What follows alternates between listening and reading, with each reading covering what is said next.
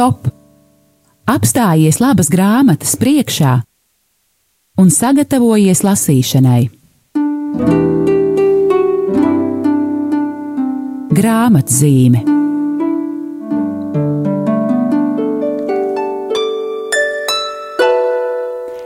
Esiet sveicināti, mīļie Ma Marija Latvijas radio klausītāji.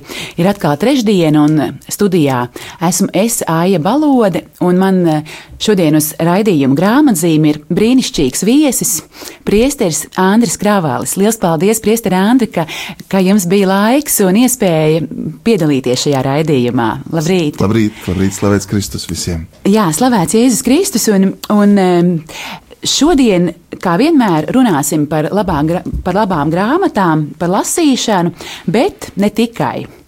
Lūk, bet raidījuma sākumā e, izteikšu lielu prieku par to, ka e, šis e, decembra mēnesis, kas nāk, un novembra mēnesis, kuru mēs vēl tagad, kura nobeigumā esam, ir ļoti, ļoti bagāts laiks mūsu izdevniecībai. Un mums ir prieks turēt atkal rokās divas jaunas grāmatas.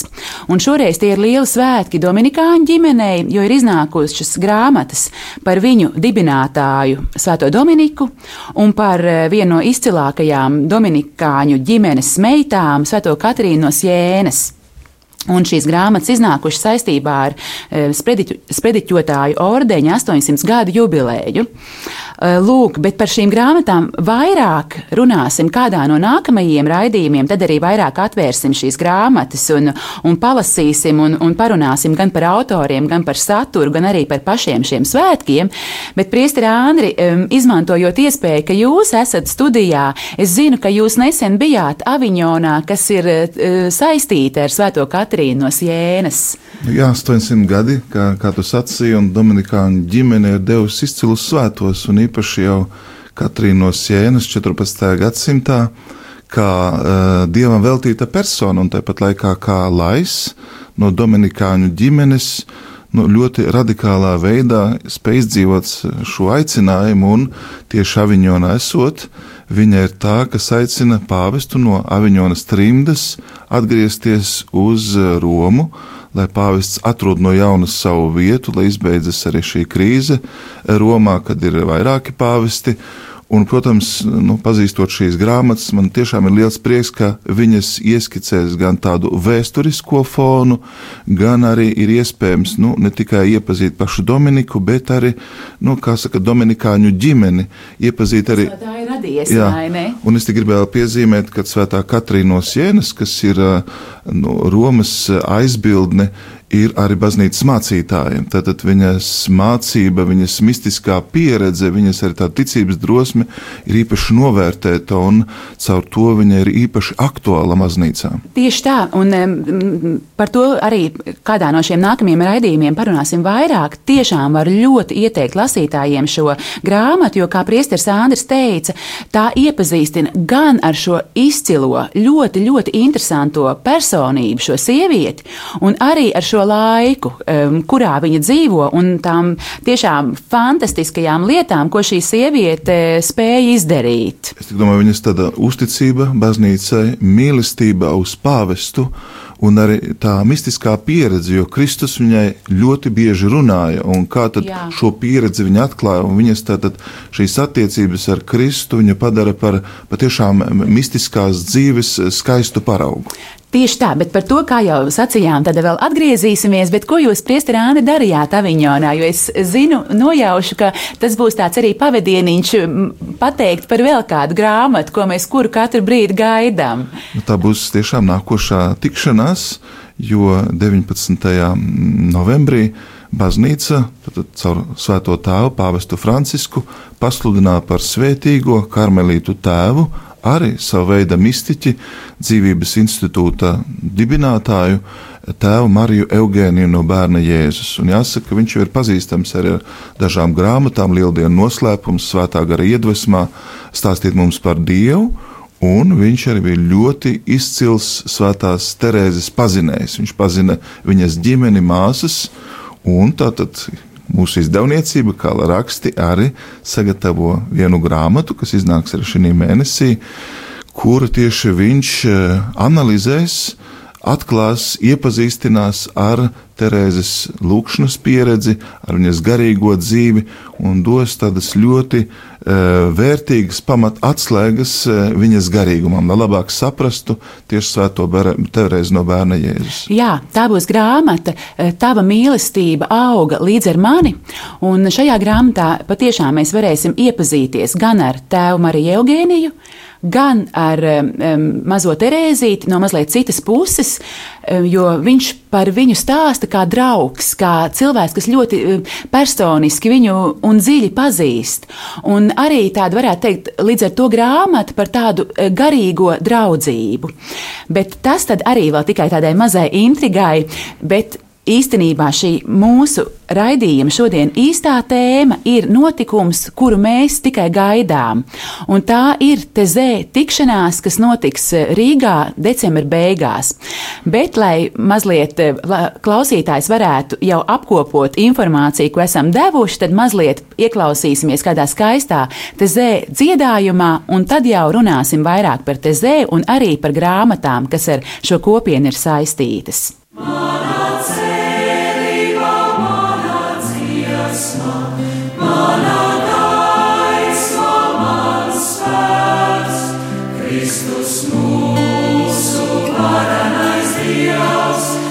seja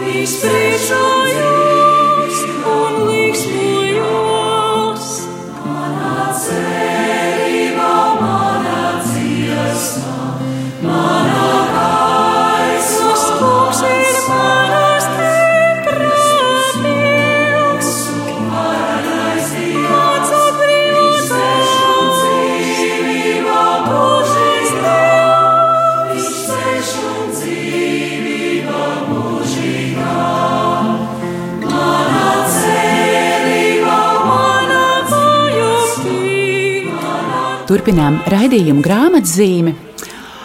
Un pārējām pie tāda kā otrā bloka, pie otrās tēmas, un proti, mums, mūs gan rīzniekus, gan vispār visus latviešus decembra beigā, beigās sagaida E, tik izcils notikums, ka es pat nezinu, vai mēs paši līdz galam to e, pagaidām vēl aptveram. Un proti, e, te zēbrāļi, šī kopiena, kas ik gadu, gada izskaņā rīko kādu lielu tikšanos jauniešiem kādā no Eiropas pilsētām, šogad šo lielo tikšanos rīko Rīgā. Eh, Priesteri Andri, jūs man teicāt, ka mēs gaidām 12,000 jauniešu ierašanos, vai tā ir taisnība? Nē, tā vairs nav taisnība, tāpēc ka 12,000 ir jau pieteikušies. À. Bet tad mēs gaidām, iespējams, ka vairāk kā 15,000. Tad, tas ir oficiālais skaits, cik jau uh, jaunieši, un jāsaka, tās ir tiešām jauniešu grupas. Esot Francijas redzēju, kā cilvēki nu, nofraktē veselas lidmašīnas, čarterus, lai būtu, un patiešām viņi būs. Un tā jau ir 39. reize, un tad, tad tā ir Eiropas mēroga tikšanās. Es domāju, ka tas nav tikai kristiešu tikšanās, tas ir arī valsts mēroga pasākums, Jā. jo ir iesaistījušās pašvaldības Rīgas doma.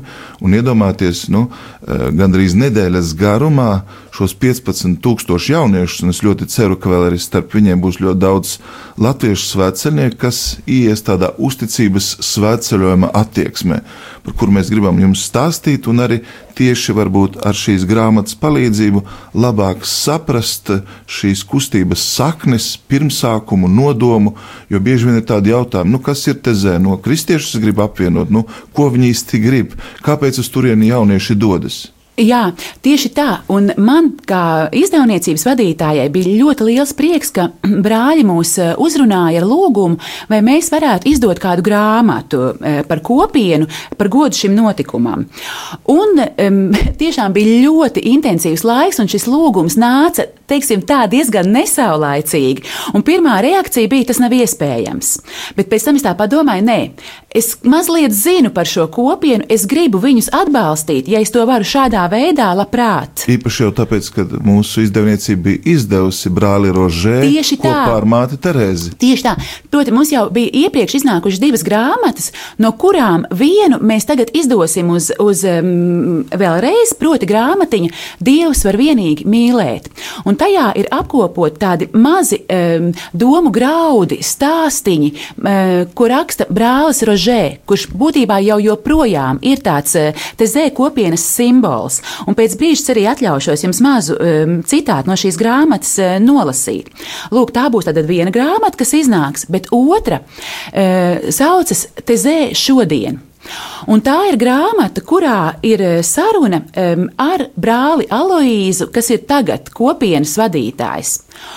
Un tulkojot, un pēc tam caurlasot šo grāmatu, es biju tik laimīga par to, ka mēs pieņēmām lēmumu, ka jā, labi, izdosim šo grāmatu. Jo proti, tā ir brīnišķīga iespēja tiešām pa īstam iepazīties, ko tad brāļi domā, kāds tad ir viņu uzskats, kāpēc viņi runā par vienotību, kāpēc viņi, kā viņi saka, jau pasteidzina vienotību, to dzīvojot. Viņi runā par solidaritāti, kas bieži vien mums ir tāds vārds, o, cik skaisti, bet kādi ir šie brāļi? Piemēram, viņ, viņš arī stāsta, kur tad brāļi dzīvo e, Burgundijā, te zē ciematā, bet viņiem ir e, tādas mazās brālības visur pasaulē tur, kur cilvēkiem klājas visgrūtāk. Un, piemēram, brālis Aloīs saka, jā, mēs bijām ar, ar e, brāli Rožē, aizmirst, kurā tur kārtējā karstajā punktā, un tur bija tik briesmīgi apstākļi, ka brālis Rožē uzreiz teica, diviem brāļiem jāpaliek šeit, eh, palīdzēt vietējiem cilvēkiem, un tā tālāk. Proti, lasot šo grāmatu, man kaut kā tas eh, tā, radās tā doma, ka tā ir runa par praktisko kristietību. Tā vairs nav teorija, tie nav skaisti vārdi, bet tātad eh, tie ir skaisti vārdi, bet tieši tikpat skaisti šie vārdi tiek arī izdzīvoti. Īpaši es domāju, ka uh, Viņi ir aktuāli arī mūsu Latvijas kontekstā, jo neparvelti tieši nu, mūsu zeme ir izvēlēta šīm Eiropas jauniešu dienām, jo šis konteksts, arī kā tu sacīji par šo, nu, varbūt nabadzību, arī skar arī mums, bet mums ir sava veida bagātības, un tieši tas arī brālim Aloīziem un Tezē kopienai ļāva pieņemt šo lēmumu, jo nu, šis vienotības izaicinājums šī arī atmosfēra, kas, kurā mēs dzīvojam, arī viesmīlības uh, izaicinājums un tradīcija un kultūra. Un uh, skaisti brālis Alois savā ievadā īstenībā saka, vienmēr, kad viņi ir devušies šeit, viņi ir piedzīvojuši šo viesmīlību, viņi vēlas ienākt ar savu garīgo pieredzi, uh, Un uh, man bija iespēja būt pagājušā gadā Valencijā, kad tika pasludināta šī vēsts. Jā, pastāstiet, kā tas Jā. notika. Nu, tur arī bija mūsu biskupi, arhibīskaps Vanaks un mūsu arhibīskaps. Bet jūs jau zinājāt par šo lēmumu, vai ne? Tas nebija pārsteigums. Bijām ielūgti Skaidrs. saņemt stafeti un arī uzrunāt pārējos un patikā pateica, nu, tālu, tālu ziemeļos. Eh, Ārprāts par tātad, mums tālu jā, ziemeļos. tad Eiropas eh, pašā, teiksim, augstākajā punktā tur ir šī valsts Latvija. Un eh, kas tad īpaši tur pārsteidza? Nu, tā Valencija, tātad Spānijas tāda ļoti pazīstama pilsēta, bija pulcinājusi 14,000 jauniešus, un visi šie jaunieši bija uzņemti ģimenēs. Kolosāli. Neviena skola, neviena cita struktūra patiesībā nu, neiesaistījās, bet viņu viesmīlība bija tik izcila, ka vienkārši šie cilvēki dzīvo līdzi šim notikumam.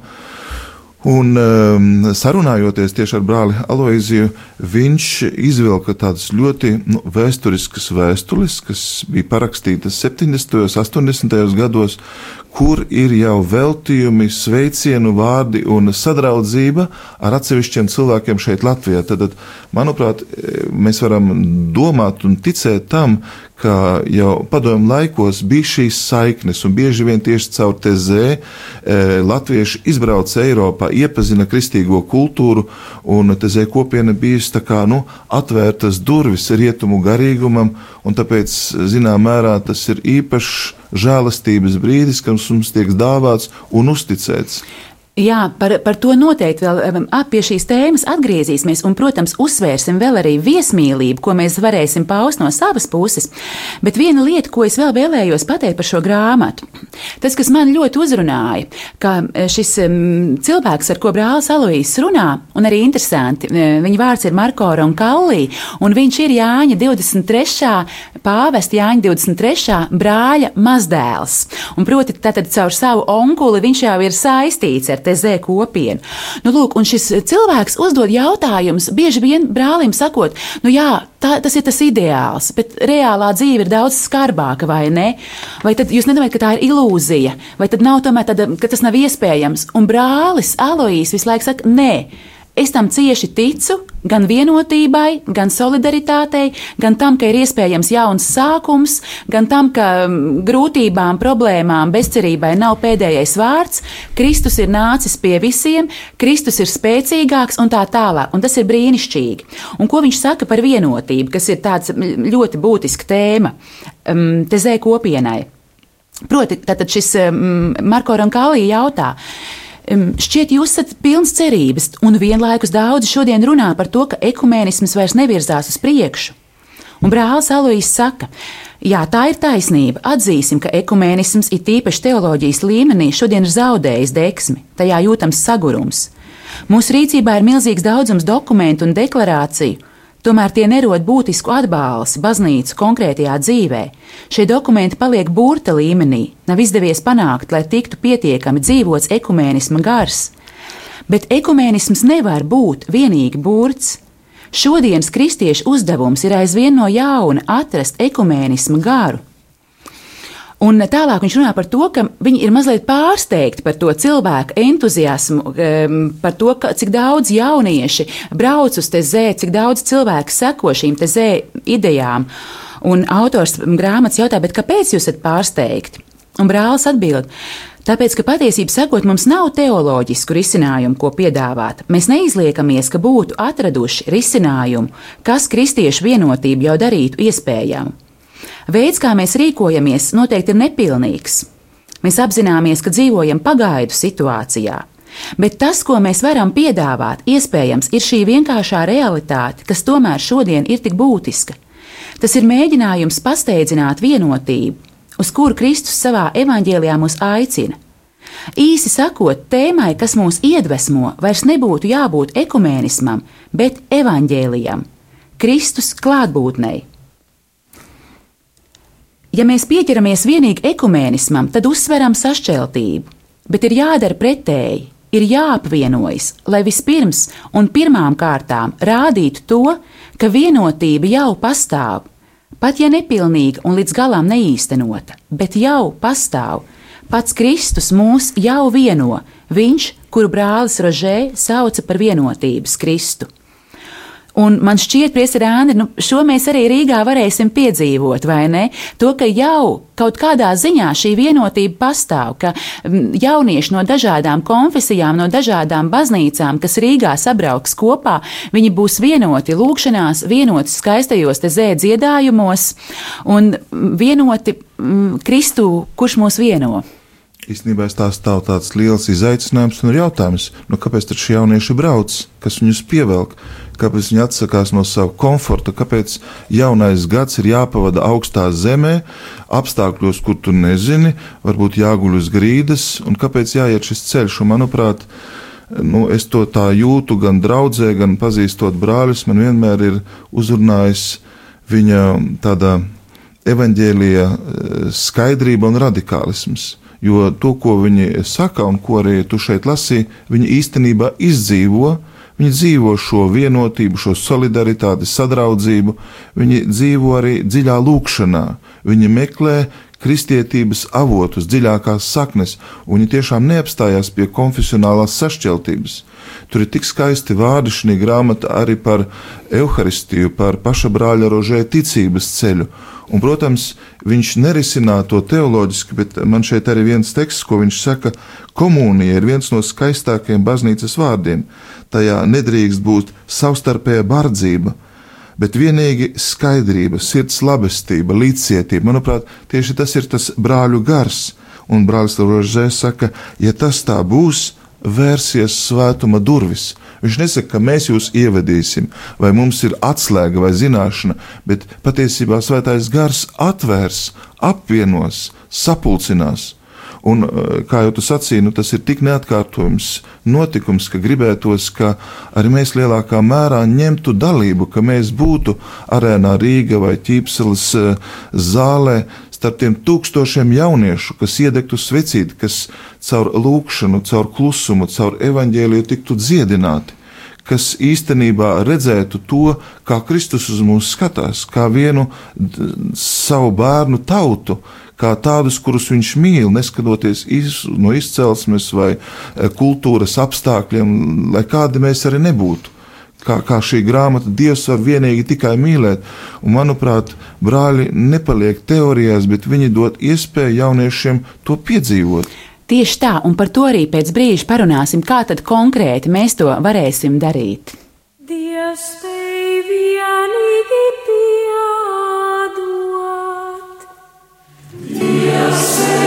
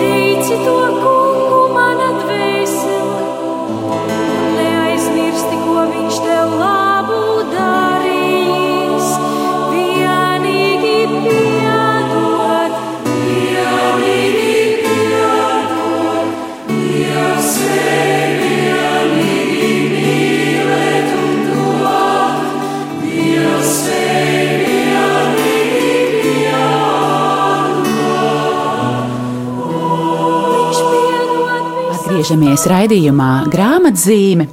Un tātad šodien runājam par tezē tikšanos, kas notiks Rīgā, un arī par divām grāmatām, kuras mēs gaidām. Un proti, tātad viena no tām būs arī, kā mēs tikko dzirdējām, dziedājumā Dievs var vienīgi mīlēt, brāļa Rožē sarakstīt, un otra tezē šodien. Un burtiski ieskicēšu jums, eh, klausītāji, eh, šīs grāmatas tezē šodien saturu, jo tas arī uzreiz parāda tās tēmas, kas tad šodien kopienai tezē ir mm, būtiskākais. Un proti, pasteidzināt izlīgumu, proti, kristiešu vienotība, kuru viņi jau cenšas izdzīvot, sekmēt dalīšanos saņemtajās dāvanās. Ko tas nozīmē? Proti, brāļi runā par to, ka nav, no mums netiek gaidīti lieli varoņdarbi, bet tas, ka mēs savas dāvanas, pat ja tās ir mazas, liekam, um, izmantojam kopīgajam labumam, dalīties ticībā ar jauniešiem ļoti būtisks brāļu kalpojums. Un pie tam viņi saka, jā, mēs pat īsti to nedarījām apzināti. Vienkārši notika tā, ka brāļi kopā dzīvoja, lūdzās, un pie viņiem sāka braukt jaunieši, un šis skaits palika arvien vairāk, lielāks. Un arī interesanti, lūk, brālīts Rožē jau ir devies mūžībā, viņa ir nomainījis nākamais kopienas vadītājs brālis Aloīs, bet jauniešu um, braukšana uz tezē nemainās, tas viss turpinās un visbeidzot ļaut dzimt jaunām solidaritātes formām. Un šajā nodaļā tiešām ir interesanti lasīt brāļa Aloīzes liecības par to, kā brāļi kalpo varbūt pat nekalpo, vienkārši ir kopā ar cilvēkiem, kuriem šajā pasaulē klājas visgrūtāk. Un beidzot, pēdējā nodaļa atklāt kopīgas lūkšanas un kopienas dzīves skaistumu. Un tad šo patiešām mums būs iespēja atklāt arī šeit, Rīgā, um, gada nogalē. Bet tātad tik daudz par šo grāmatu te zēs šodien, bet vēl es tomēr vēlētos ar jums kopā jau atvērt arī mazliet um, otru grāmatiņu, Dievs var vienīgi mīlēt. Un šo grāmatu es jums visiem varu ieteikt par tādu uh, sirds uh, dziedinājumu brīžos, kad nu, ir kaut kāds smagums vai skumjas vai kā. Tiešām um, brālīts Rožē tik brīnišķīgs stāsts no savas dzīves um, raksta, un vienu no tiem atļaujiet, es jums nolasīšu. Reiz adventu laikā mēs kopā ar diviem brāļiem bijām Etiopijā. Ziemassvētkos devāmies uz kādu lepras slimnieku ciematiņu. Un sieviete vārdā Aģebūša mums stāstīja par savu dzīvi. Kad izrādījās, ka viņa ir slima ar lepru, vīrs Aģebūša pametis.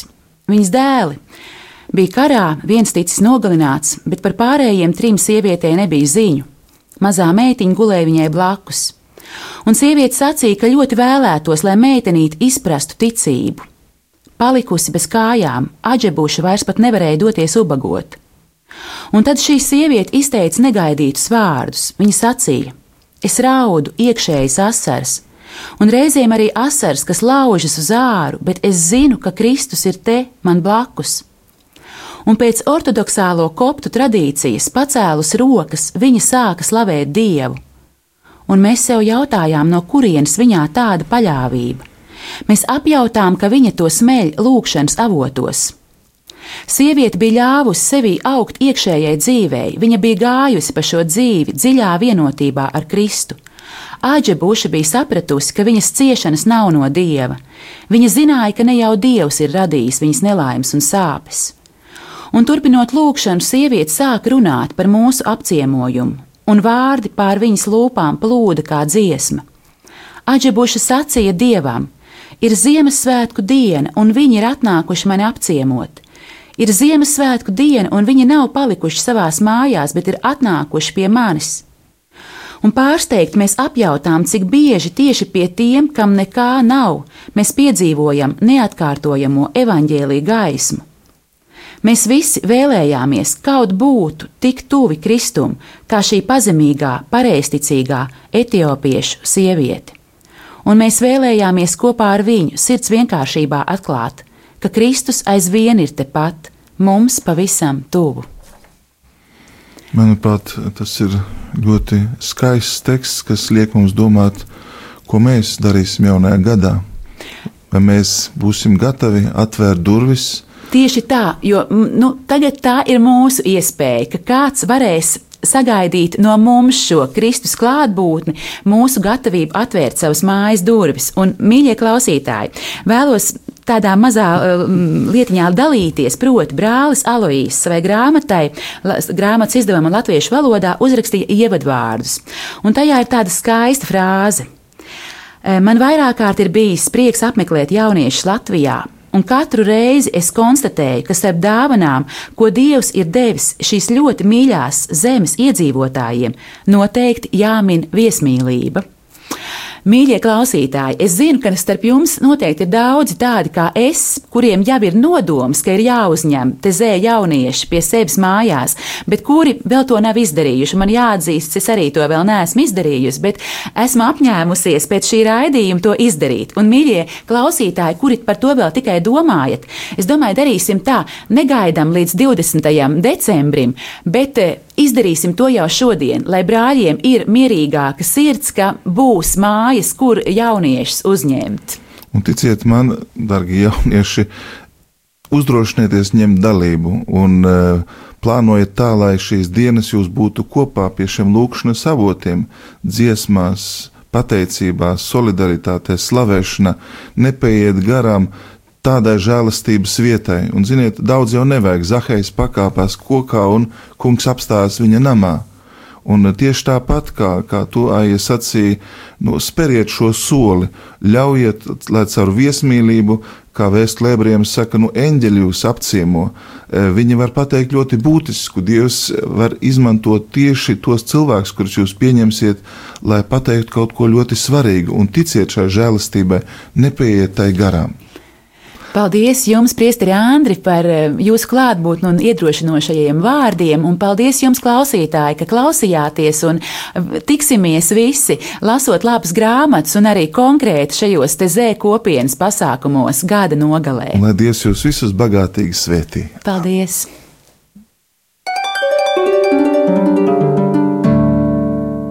Stop! Apstājies labas grāmatas priekšā un sagatavojies lasīšanai.